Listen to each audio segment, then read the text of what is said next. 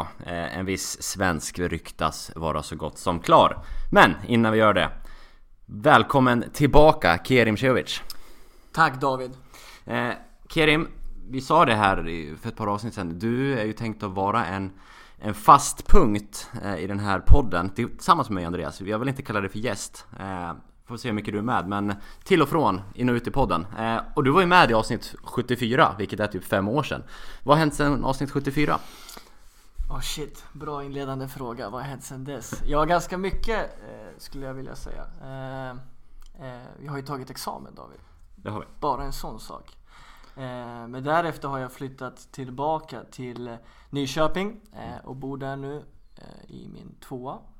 Och arbetar precis som du som idrottskonsulent på Sörmlandsidrotten efter nyår, RF SISU Sörmland. Mm.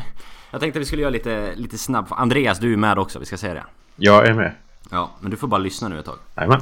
Eh, kanske skjuta in en fråga om du har någon. Men, eh, jag sa namn. Men eh, Kerim Cevic. Ja. Eh, ålder? 26. Hur känner du David? Du gillar ju att jag ska ta den här storyn, så jag tänker inte göra det. jo, då måste du dra den. Du kan inte lägga upp det och sen Jag drar den, den kort David, jag drar den kort. Men hur känner jag David? Jag egentligen själv eh, sen du skrev på Svenska fans, men då kände inte du mig. eh, det var väl när vi började plugga som vi lärde känna varandra eh, och vi är väl ganska överens om att vi har hållit ihop ganska nära Kanske på grund av Milan, kan det vara så? Ja, jag tror anledningen till att vi blev kompisar är Milan. För ja. vi kollade Milan tillsammans och sen började vi umgås utanför, när det inte var match också. Precis. Utanför söndagar klockan tre. Bara en sån sak. Ja. Eh, hur känner du Andreas Persson? Andreas Persson känner jag sen Fossa de Glalci-resan 2014. Just det. Eh, hur var eh, Fosse de Glalci, din syn på den resan till Milano som vi gjorde via den här podden? Eh, lite så. Kort bara jäkligt fantastiskt. Det var ju en upplevelse utöver eh, det vanliga. Det var ju min första resa till, till Milano och eh, första gången jag klev in på San Siro är något man tar med sig för resten av livet. Eh, så att en överlag väldigt bra resa. Jag blir så sugen på en, på en till, men det kanske ligger i framtiden Andreas. Jag hoppas på det. Vi får se. Eh, favoritspelare genom tiderna Kjell? Oj, i Milan då eller? Ja, du kan ju dra till med någon annan om du har det, men det vore jag ju skulle, skamligt. Ja, jag skulle säga så här att eh, personligt, på personligt plan Zlatan Ibrahimovic, eh, men i Milan överlägset nummer 22. Kaka. Kaka, såklart. Om du fick plocka en spelare till Milan från världsfotbollen idag, utan, utom Leo Messi, ja. vem hade du valt? Mané, Sadio Mané. Liverpools Mané? Liverpools Mané. Varför? Kort. Eh, jag skulle säga väldigt mångsidig, duktig spelare, kan avgöra på egen hand eh, och inte bara en målskytt eh, så, utan väldigt mycket i bagaget. Spontana kommentarer på att Kerim vill ha Sadio Mané i laget, Andreas? mm, stökig personlighet men han är en jävla bra fotbollsspelare. Jag har ju minne från honom, av honom sen tiden han mötte Malmö och åkte ut i Champions League-val med Salzburg. Eh, där han inte spelade andra matchen för han ville inte. Så det är, det är en intressant personlighet som sen bråkade sig till Liverpool. Men eh, på plan kan han ju tillföra en del. Min korta analys är att vi behöver en väldigt bra ytter samt en bra målskytt. Så att där får vi två i ett. Det är, det är en fantastisk fotbollsspelare.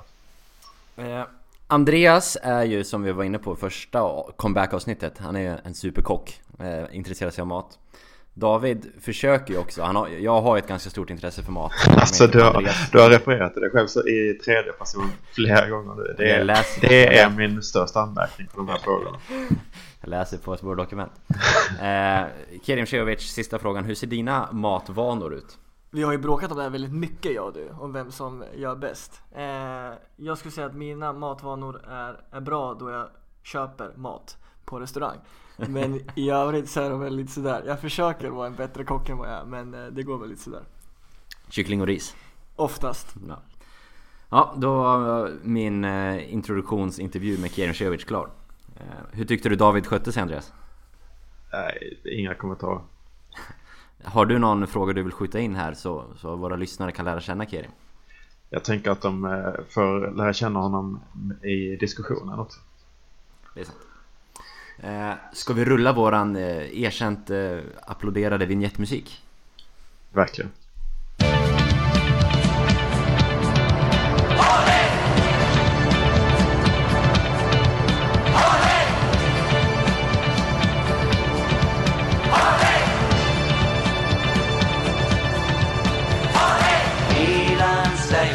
Squadrone.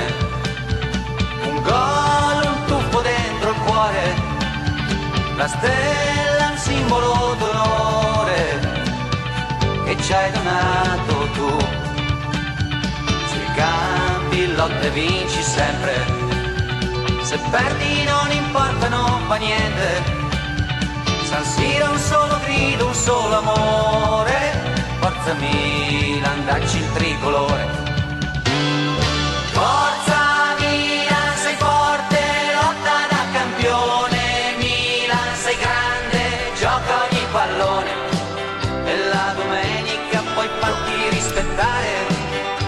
Idag den, eh, vad är det för datum? 27 december, fredag den 27 december.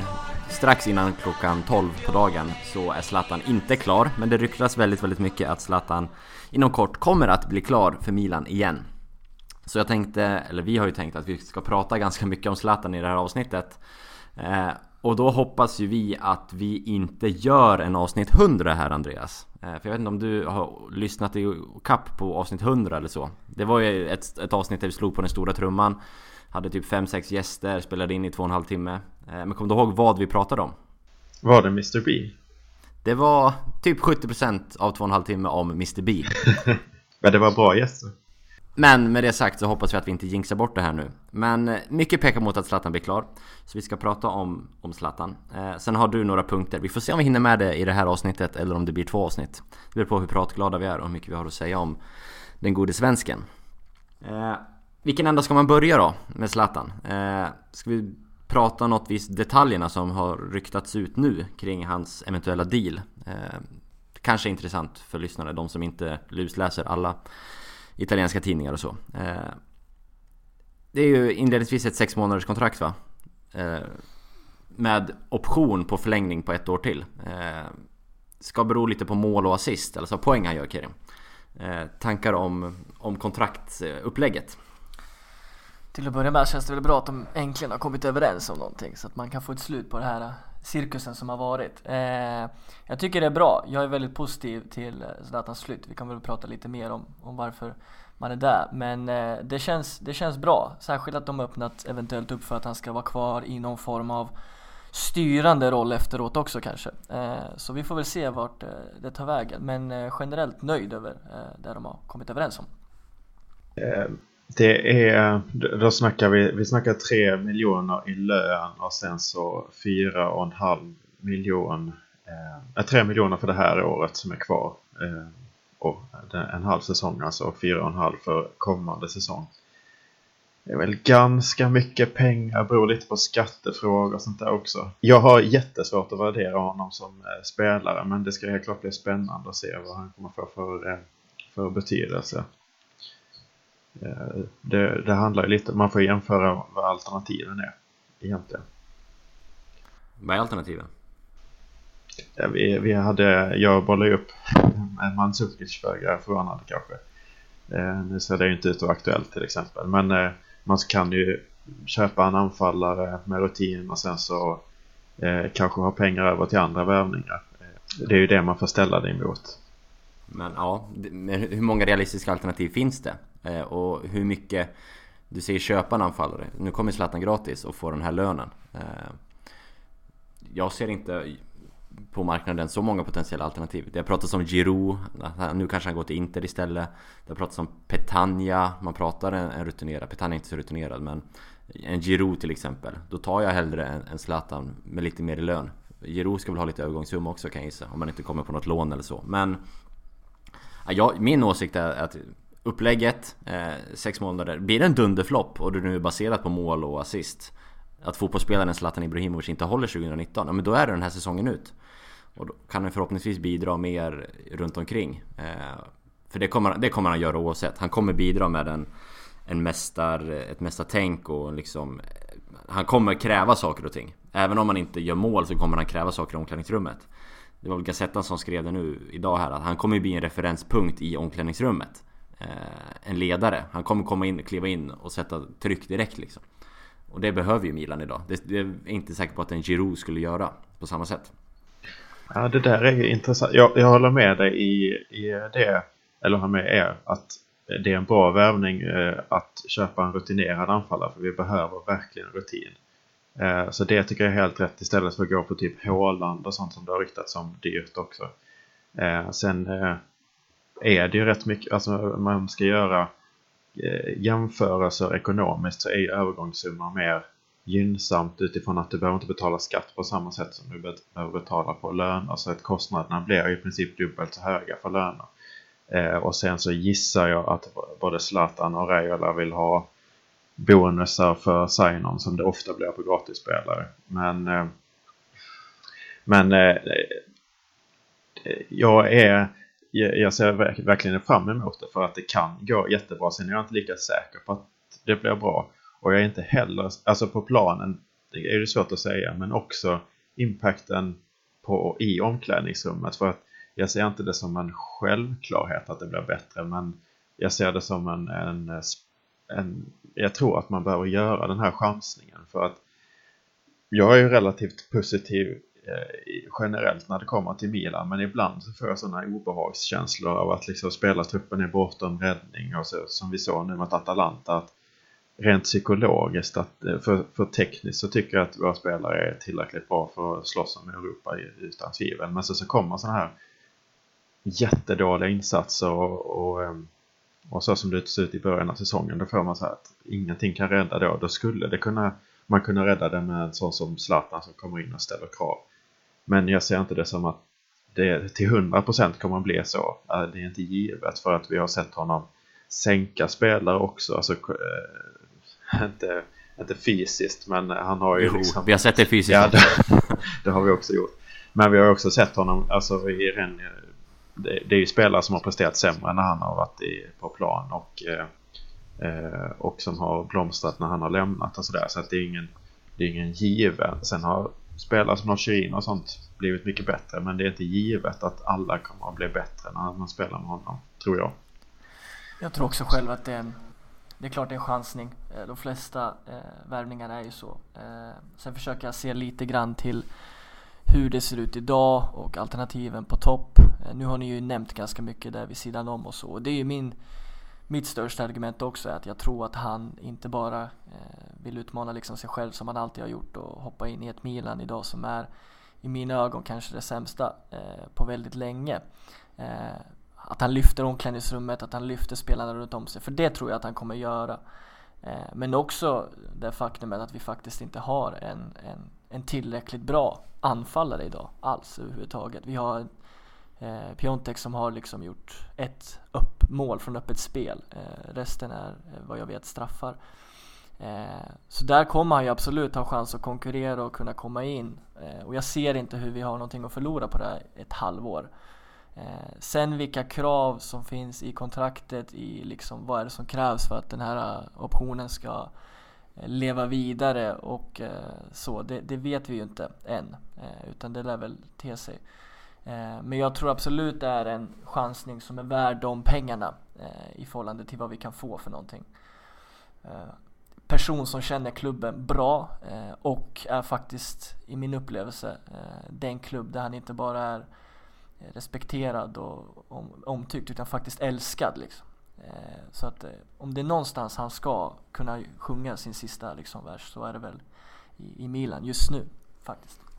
Vi pratade om det förra avsnittet Andreas, att, att säga att Zlatan skulle få erbjudande att gå till Juventus så skulle han ju inte tveka och så skulle han göra mål på Milan så skulle han ju fira. Vi var inne på den tesen och jag tror vi döpt, eller jag döpte avsnittet efter det till och med. Eh, senast. Eh, men som, som Kerim säger här och jag har reflekterat lite själv att att fansmässigt, supportermässigt så är Milan den enda klubb han är älskad eller verkligen omtyckt. Jag tror han är, och det var, om det var Wilbacher eller om det var någon annan krönikör som skrev det, att han är respekterad i många klubbar i Italien och i, i Barcelona och så vidare. Men, eh, och i United. Men i Milan så är han ju faktiskt älskad av supportrarna. Eh, och det är bara där han är det egentligen. Sen eh, tvivlar inte jag en sekund på det vi sa förra veckan att skulle han gå till en konkurrent så skulle han fira ett mål mot Milan och kurva syd utan att tveka.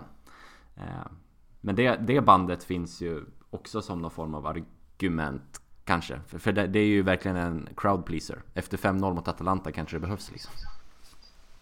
Ja, nej men det är det, jag köper det rakt av. Eh,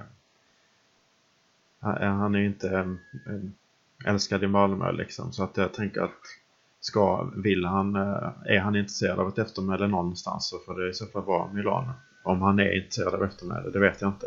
Men jag köper det rakt av. Kerem, har du sett, för du, du målar upp Zlatan som en av dina favoritspelare genom tiderna, kanske den favoritspelaren genom tiderna. Så, så, du har ju onekligen en soft spot för den här spelaren på, på många plan och han skulle kunna göra ganska mycket och ändå, att du ändå skulle kunna ha en soft spot för honom. Eh, men har du sett honom nu i, i Los Angeles någonting? Eller är det liksom eh, målen på Youtube och på TV4 Sporten på morgonen? Eller hur, hur ligger det? Jag har sett några fåtal matcher. Eh, inte tillräckligt mycket skulle jag säga för att ge en konkret bedömning över hur, hans, hur han faktiskt är som spelare idag skulle jag säga. Eh, men jag har sett några få eh, strömatcher så eh, och givetvis också mål och övriga spännande intervjuer han gör konstant.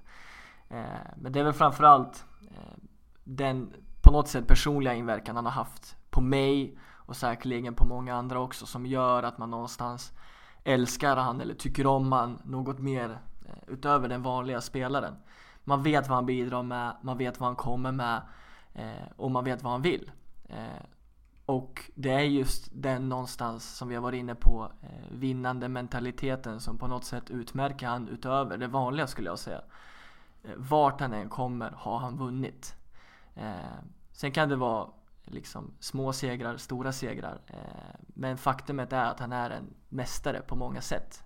och det är där Milan behöver idag. Förutom eh, Los Angeles, mm. han inget va?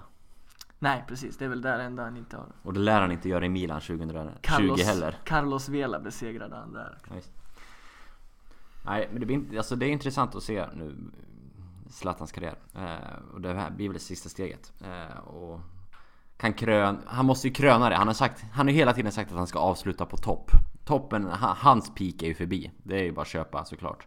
Den kanske var i Milan eh, 2000, när han var här sist. 11 eller vad var det? Kanske. Eh, men avslutar på topp säger han. Och nu går han ju från en pissliga till en liga som faktiskt är ganska bra. Eh, så det ska bli intressant att se var han står. Eh, något mer att säga om den här potentiella affären? Tröjnummer intresserar jag mig av. Eller har du något mer djupare, djupare tanke Andreas? Eh, eh, nej, det skulle jag inte säga. Eh, men eh, jag, jag, är spänd på det men jag är inte, jag är inte helt säker på att det blir, blir bra liksom. Det kan ju gå dåligt också om han får allt det här emot sig. Eh, nu, är, nu är Karin positiv så därför väljer jag att jag tar andra sidan liksom. Sen är jag inte odelat negativ till allt det här men, men för diskussionens skull. Det skulle ju kunna vara så att, eh, att han eh, inte alls kan hantera att ett lag går så här dåligt. Nu vet jag i och för sig inte, det gjorde kanske LA Galaxy också, men att han börjar, började lacka ur på medspelare och liksom han klarar inte av när det går, går motigt och inte alls är nära titlar och så vidare. Alltså det här är ju onekligen kanske hans största utmaning han tar sig an i, i, i sin karriär. Eh, det, han kommer ju till ett lag som eh, i mina ögon just nu är väldigt split, splittrat, dåligt. Eh, på många sätt. Framförallt skulle jag säga det mentala och psykologiska som du är inne på Andreas. Eh, det där det brister. För min upplevelse är väl också att vi någonstans hänger med i toppen rent tekniskt och kanske på individuellt plan också.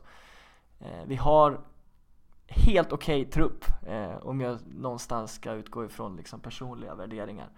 Eh, så att i mina ögon så, så, är det dock kanske den största utmaningen han tar på sig. Eh, och det är svårt såklart att skapa en förändring på sex månader som ska någonstans vara väldigt långvarig. Eh, men just nu behöver vi någon som går in och rör om i grytan för det här är ju någonstans totalt undermåligt där liksom Milan eller våra färger. Eh, så att ja, jag vet inte. Jag är positivt ställd men det är en enorm utmaning han, han själv och hela laget står framför. Men jag bara slänger in den här. Kan det bli, kan det bli sämre? Det kan det alltid tror jag. Ja, jag tror det kan bli eh, sämre. Jag tror det kan bli såklart mycket sämre, även fast vi är långt ner på botten. Vi ligger 11, precis förlorat 5-0 mot Atalanta. Kan det bli jo, sämre? Jo, men alltså vi kommer inte sluta 11. Det hade vi inte gjort även om Zlatan eh, stannade på andra sidan Atlanten. Atlanten liksom. det, vi förlorade ju jättemånga matcher i början och det kommer ju gå bättre. Eh, det kommer det göra oavsett eh, nyförvärv skulle jag säga överhuvudtaget. Men eh, det kan gå mycket bättre men det skulle också kunna Alltså stämningen skulle kunna dra ner, dras ner ytterligare skulle jag säga. Däremot så eh, håller jag helt med om när man bara snackar om erfarenhet och sånt där så tror jag också det är bra att ta någon som har erfarenhet av Italien och kan liksom språket någorlunda. Eh, någorlunda? Han kan väl det ganska bra? Ja. Ja. jo, han, jo, det kan jag köpa.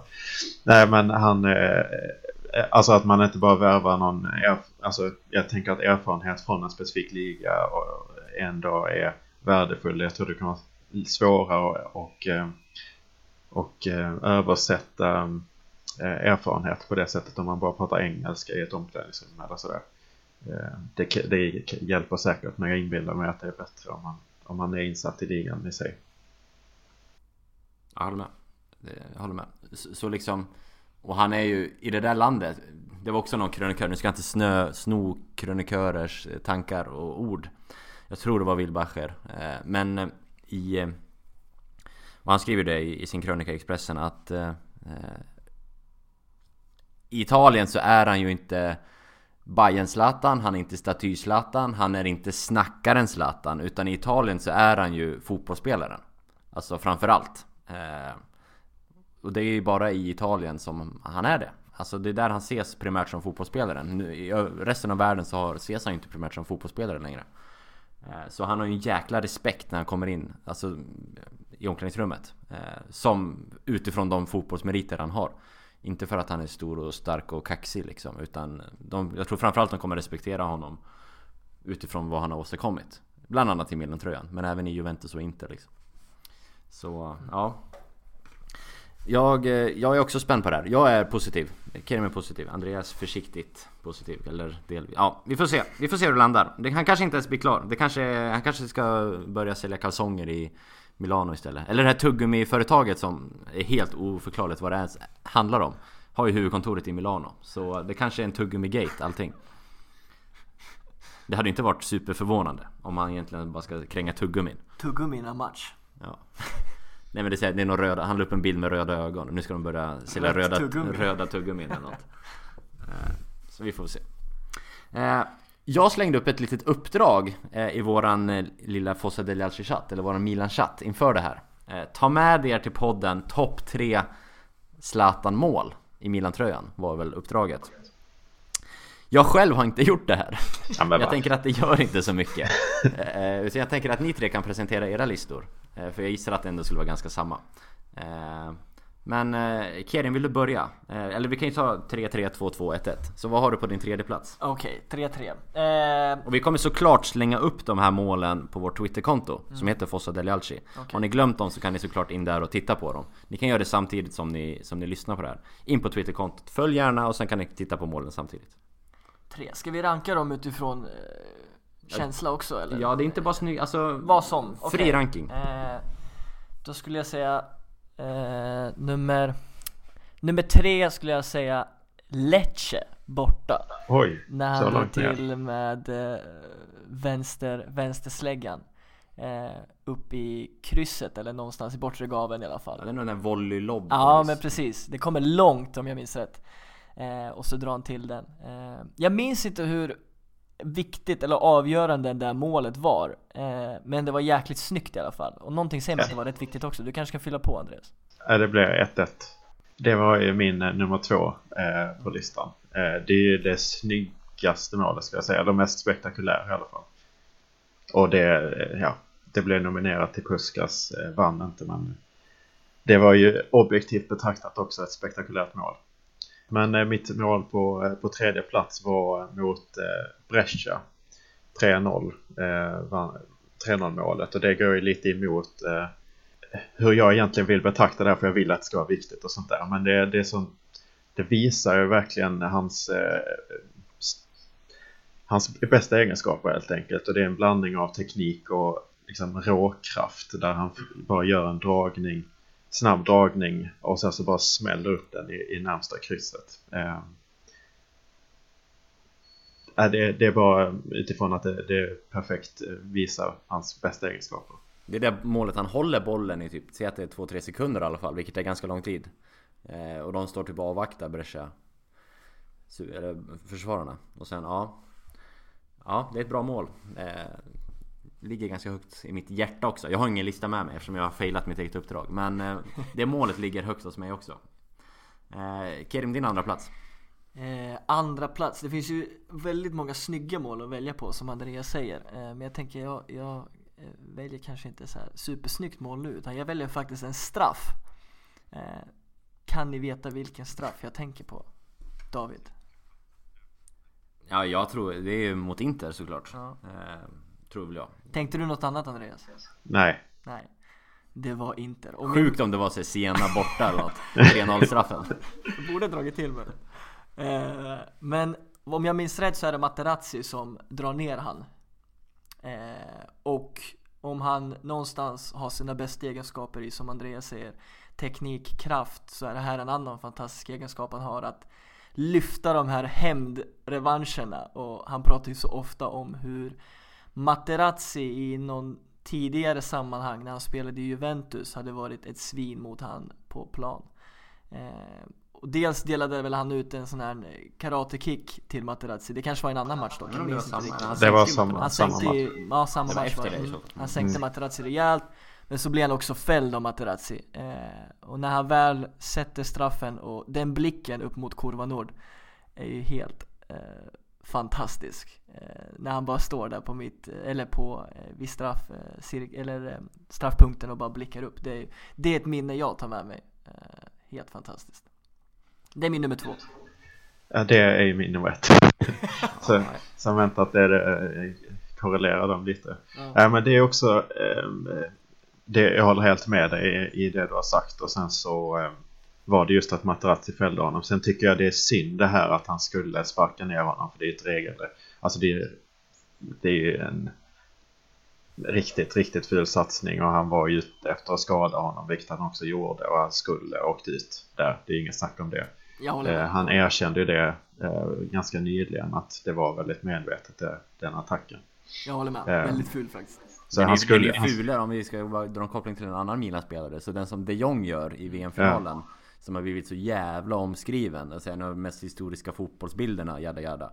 Den är ju inte meningen. Och jag vill påstå att, att de Jong inte är en så ful spelare som många vill få det till. Men det här Zlatan gör, det är ju något liknande. Och det är ju det är medvetet och sjukt fult. Ja, och han blir, inte, han blir inte utvisad för det. Nej. Nej, Jag tycker att man kan ha två, huvud, två tankar i huvudet när det gäller Zlatan. Liksom. Han är en fantastisk spelare men man måste inte gilla allt han gör och det var ju fult. Liksom. Eh, Jag så jag tyckte att han skulle stannat med, med att och få den vinsten han fick när han eh, fick straffen. Ehm, men det, det det, det jag hade på första plats också och det är ju eh, nu kommer jag låta jättekritisk till Zlatan men han gjorde ju ganska få viktiga mål Alltså i, alltså i stora matcher eller sånt där i, i Scudetto-säsongen. Han gjorde ju objektivt, eller så här, rent eh, kvantitativt gjorde han ju många viktiga mål för han gjorde viktiga mål i viktiga matcher, alltså i matcher som vi vann. Men det var ju på hösten och då får man inte rent emotionellt den, eller jag får inte det i alla fall, eh, samma, det blir inte samma, samma laddning för mig för att det är ju oftast på våren som det avgörs. Sen är tre poäng värda lika mycket på hösten som våren men det är ändå det är då allt drar ihop sig och då eh, Scudetto-säsongen så gjorde han väl ett, eh, han gjorde ett mål på straff från februari till säsongens slut. Så han gjorde ett mål på straff på 16 matcher, inget spelmål. Eh, I slutet av säsongen, det var ju andra som steg fram där, Cedorf eh, är ju fantastisk och så vidare. Eh, men det, det är ju också en viktig grej när man ska komma ihåg mål, det är ju att det ska eh, ha stor betydelse. Och det här målet mot Inter är väl det viktigaste målet, eh, skulle jag säga också. Rent känslomässigt.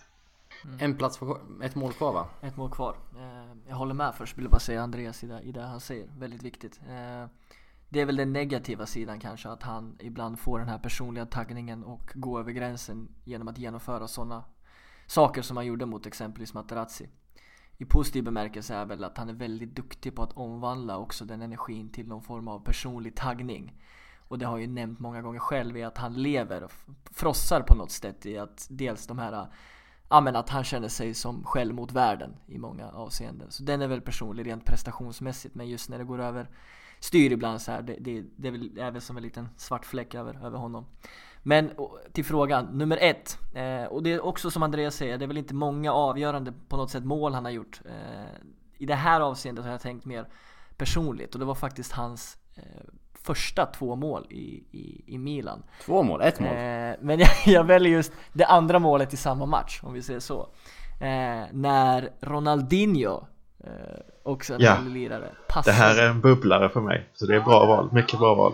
Eh, Ronaldinho bryter in från mitten, dribblar lite, lägger ut till Zlatan som jag tror på en touch, kanske två, lägger den i bortre hörnet. Och det bästa som utspelar sig här nu, det är ju efter det här målet när Ronaldinho Exakt. kommer runt Zlatan. Och Zlatan springer mot Ronaldinho och hoppar upp i famnen på en Ronaldinho Som knappt orkar hålla emot Det är lite som att se Jumanji, typ när, som om Dwayne Johnson, The Rock, skulle hoppa upp i Kevin Harts eh, famn där Eh, lite den bilden får jag. Eh, det är ju också ett så här fantastiskt, eh, som grabb när man gick i gymnasiet och som personlig favorit var ju det en, en otroligt fin känsla att se han göra mål i den tröjan. Du sa inte vilken match det var, men det var Champions League va? Champions League mot Auxerre. Eh, han gjorde ett fantastiskt bortamål där också eh, mot dem. Eh, men det här var mot Auxerre hemma, om jag minns rätt. Det, det fina i den också är att han eh, liksom pekar mot eh, Ronaldinho och liksom lämnar över eh, han visar att det här är Ronaldinhos mål liksom. och det är ju inte supervanligt att han gjorde det annars. Eh, den relationen han hade till Ronaldinho var väldigt intressant för att han hade väldigt stor respekt för honom märktes initialt. Men sen eh, eh märkte han att ah, Ronaldinho gör ju inte jobbet eh, som han måste göra och sen så försvann ju han till slut, han, Ronaldinho då också, han eh, fick inte plats i lägre system när han inte jobbade tillräckligt mycket på matcher och på träning. Eh, och Zlatan var ju tydlig med det att man, ska man vara mästare så, så även, även om man är en mästare, även om man är fantastisk så måste man också göra jobbet. Jag tror han lärde sig mycket av det också. Att bli mer av en lagspelare faktiskt.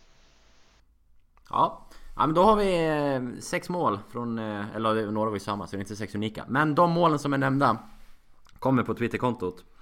Eh, och sen, jag kan väl, ska jag dra någon ur bakfickan så är det ju Jag vill ju slänga in eh, bicykletan mot Fiorentina. Mm. Den Estetiskt så tappar ju den lite eftersom han, den är ganska lös och den går via backen på något vis. Så men jag vill ändå, alltså han bollar upp den till sig själv i, det är i princip inne i målområdet eller precis utanför. Så det är så sjukt nära vilket betyder att det är mycket, det är trångt där inne. Eh, ska vara trångt i alla fall. Och det tekniska numret för en kille som är 1,93 eller vad han är. Eh, det är inte lätt. Sen hade det varit snyggare om han hade bombat upp den i nättaket men det gör han inte. Sen bryter han ju typ armen eller handen eller vrickar handen på när han landar också. Men Nej, i firandet Eller i, i, det inte det? I jag tror det är målgesten. Är Gattuso som drar ner honom va? Ja, ja. ja. Eh, en, eh, en målgest som eh, Zlatan sen fick revansch på när han, när Gattuso gör mål mot Juventus och Zlatan fullständigt knuffar sönder honom. Just det. Ja, om det nu var efter, jag kommer inte ihåg. Det kanske var innan. Skitsamma. Honorable mention från mig. Sen hade jag såklart haft målet mot Inter på första plats också. Ännu en bubblare skulle jag säga målet mot Roma. Minns du den Andreas? Mot när han och Kjär har haft ganska många duster emellan och så till fjärde så lobbar han på något sätt över målet sen och så sätter han den med huvudet. Trycker bort Kjär? Ja, trycker Kjär, bort Kjär. Kjär flyger. Precis. Ja. Jag tror uh, att jag såg den på plats. Därför minns jag den. Milan, Milan, corre va, più nessuno ti fermerà. Milan, Milan, mondo intero può conquistar. Tröjnummer. Vi har pratat djupt, nu har vi pratat mål. Eh, ska vi sluta med det mest ytliga vi har, ett tröjnummer. Vad tror du det blir Andreas? Eh, jo, tröj, tröjor är viktigt. Eh, där Theo är ett exempel på det. Men eh, eh, jag måste säga att jag har faktiskt inte koll på reglerna helt. För att det ryktas ju som att, om att eh, Borini ska lämna, vilket är jag har inget annat än respekt för honom. Han får inte spela nu, han lämnar. Han har en jättebra, alltså om det nu blir så, men det verkar ju bli så. Eh, och eh, han bryr sig inte om den eh, höga lön som han sitter på. Eh, sen att han inte ska spela i Milan är en annan fråga, men det kan ju inte han hjälpa. Eh, men får han, eh, om, er, om han lämnar och elvan blir ledig, kan Zlatan ta den då samma säsong? Jag är osäker på det. Som jag har fattat det så kan Zlatan ta den ifall Borini de facto lämnar och skrivs ur truppen så att säga. Eh, för att, men om Borini är kvar, eh, liksom, det finns ju en inskriven trupp som man skickar in till, till legan, eh, ligaförbundet. Eh, och då kan ju inte Zlatan, eller vem det nu blir, ta den. Eh, som jag har fattat det. Vilket förmodligen, alltså en sån, han kan inte, kommer inte kunna ta tian till exempel. För Chalanoglu lär ju inte lämna. Eh, och nian är väl tveksam. Även om det ryktas att Piontek kan lämna. Eh, så är det väl... Borini är ju den som ligger nära till hans. Piontek, om han lämnar så kommer det inte ske innan Zlatan förmodligen. Så vi får se. Eh, men elvan ligger nära till hans. Om Borini. Men vad tror ni han tar om Borini inte lämnar? För det är ju, Borini sitter på en ganska fin lön. Så det, är, det sista ordet är ju inte sagt där. Eh, Kerim sitter där och tittar på en ganska sorglig bild. Beskriv den med ord Kerim. Det kom ut, ja nu är det, ni vet ju att det har varit mycket prat nu eh, eftersom eh, årtiondet tar slut eh, och man har i fotbollstermer och generellt skulle jag säga pratat lite om hur var saker och ting när det började 2010 eh, jämfört med 2020. Så jag ser här lite bilder på hur man har jämfört olika tröjnummer eh, med olika spelare, det vill säga vilka som hade tröjnumret i Milan då och vilka som har det idag. Eh, och då kan vi konstatera exempelvis, ja men då nummer 11 Zlatan Ibrahimovic, idag Borini. Men vi har även nummer 10 Sidorf, idag Calhanoglu. Nummer 33 Thiago Silva, idag Rade Kronic. Så det säger väl lite om hur vår trupp ser ut idag kontra då kanske. Eh, men till, till eh, där ni pratade om eh, och berörde. Jag har faktiskt ingen kvalificerad gissning på vad han skulle ta eh, om, eh, om han eh, inte får 9, 10 eller 11. Är 18 ledigt? Tröjnummer är ju min specialitet. Det, det ska ju du kunna tänkte jag Ja. säga. Rebic har 18. Rebic, men han kan ju också lämna. Men vänta, du kan ju... Är det någonting du kan, ska kunna, så är det ju tröjnummer. Jo, jag hade ju tagit det här om jag hade fått tänka lite, men det här är ju uppstuds. Jag kan det mesta på uppstuds. Då räddar också. Andreas situationen som vanligt. Ja, men han sitter väl där med transfermarkttruppen eller något. Ja, Nej, men det, det är ju... Det är inte jättemånga bra nummer lediga, det kan man inte säga. Jag tror ju eh, att han själv önskar nummer 10. Det är jag helt övertygad om. Och eh, skulle jag få vara i bestämmande position och ignorera alla regler som finns så skulle jag ge han den omedelbart. Och ta den från Calhanoglu, eh, ta 11 från Borini, vad som helst. Eh, ta, ge han det han vill ha skulle jag säga. Eh, men eh, Alltså han skulle ju kunna köra någon sån här, eh, vem var det nu som gjorde det i Inter? Eh, Zamorano. 9 plus 1. Ivan Samarano. Zamorano ja. 1 plus 8 hade väl han. 18. 1 plus 8. precis. För han ville ha 9 men den hade en viss Ronaldo. Så säger jag, vad är han ute efter? 10 kanske, så skulle han kunna köra 91. Ja. Är han en sjua? Kan han bli en sjua? Den har, den har våran... eh, Nuden. Är det du som har myntat det uttryck, eller smeknamnet Andreas? Jag vet inte var kommer det ifrån, jag har i alla fall använt det. Ja, det är för Samu Kasiecho alltså. Andreas, du brukar kalla honom för Nuden. Jag tycker det är ett otroligt bra smeknamn. Ja, det är briljant, men jag kan inte, jag kan inte komma på om det är jag som har. Tar vi upp det vi pratade om tidigare så är Castillejo den första som kommer åka på stryk av Zlatan tror jag. eh, på träningen. Allmän spontan känsla. Så är det. Eh, är vi klara med Zlatan? Ska vi sätta punkt där? Eh, kan bli intressant att se när eller om eller hur han presenteras. Vi minns ju Berlusconis eh, magnifika Ronaldinho-presentation, vilket väl också var i januari. Vi får väl se om det blir något liknande mot Spall i kuppen eh, Eller vad det kan tänkas bli. Ja. Intressant blir det. Jag hoppas att Zlatan kommer. Det är väl någon slutsats från mitt perspektiv. Milan, Milan, corre va, più nessuno ti fermerà. Milan, Milan, mondo intero può conquistar. Och där någonstans bestämde vi oss för att fortsätta podda men det blev också så pass mycket mer material att vi väljer att dela upp det här på två avsnitt. Så det blir alltså ett till avsnitt, kommer strax efter nyår någon gång.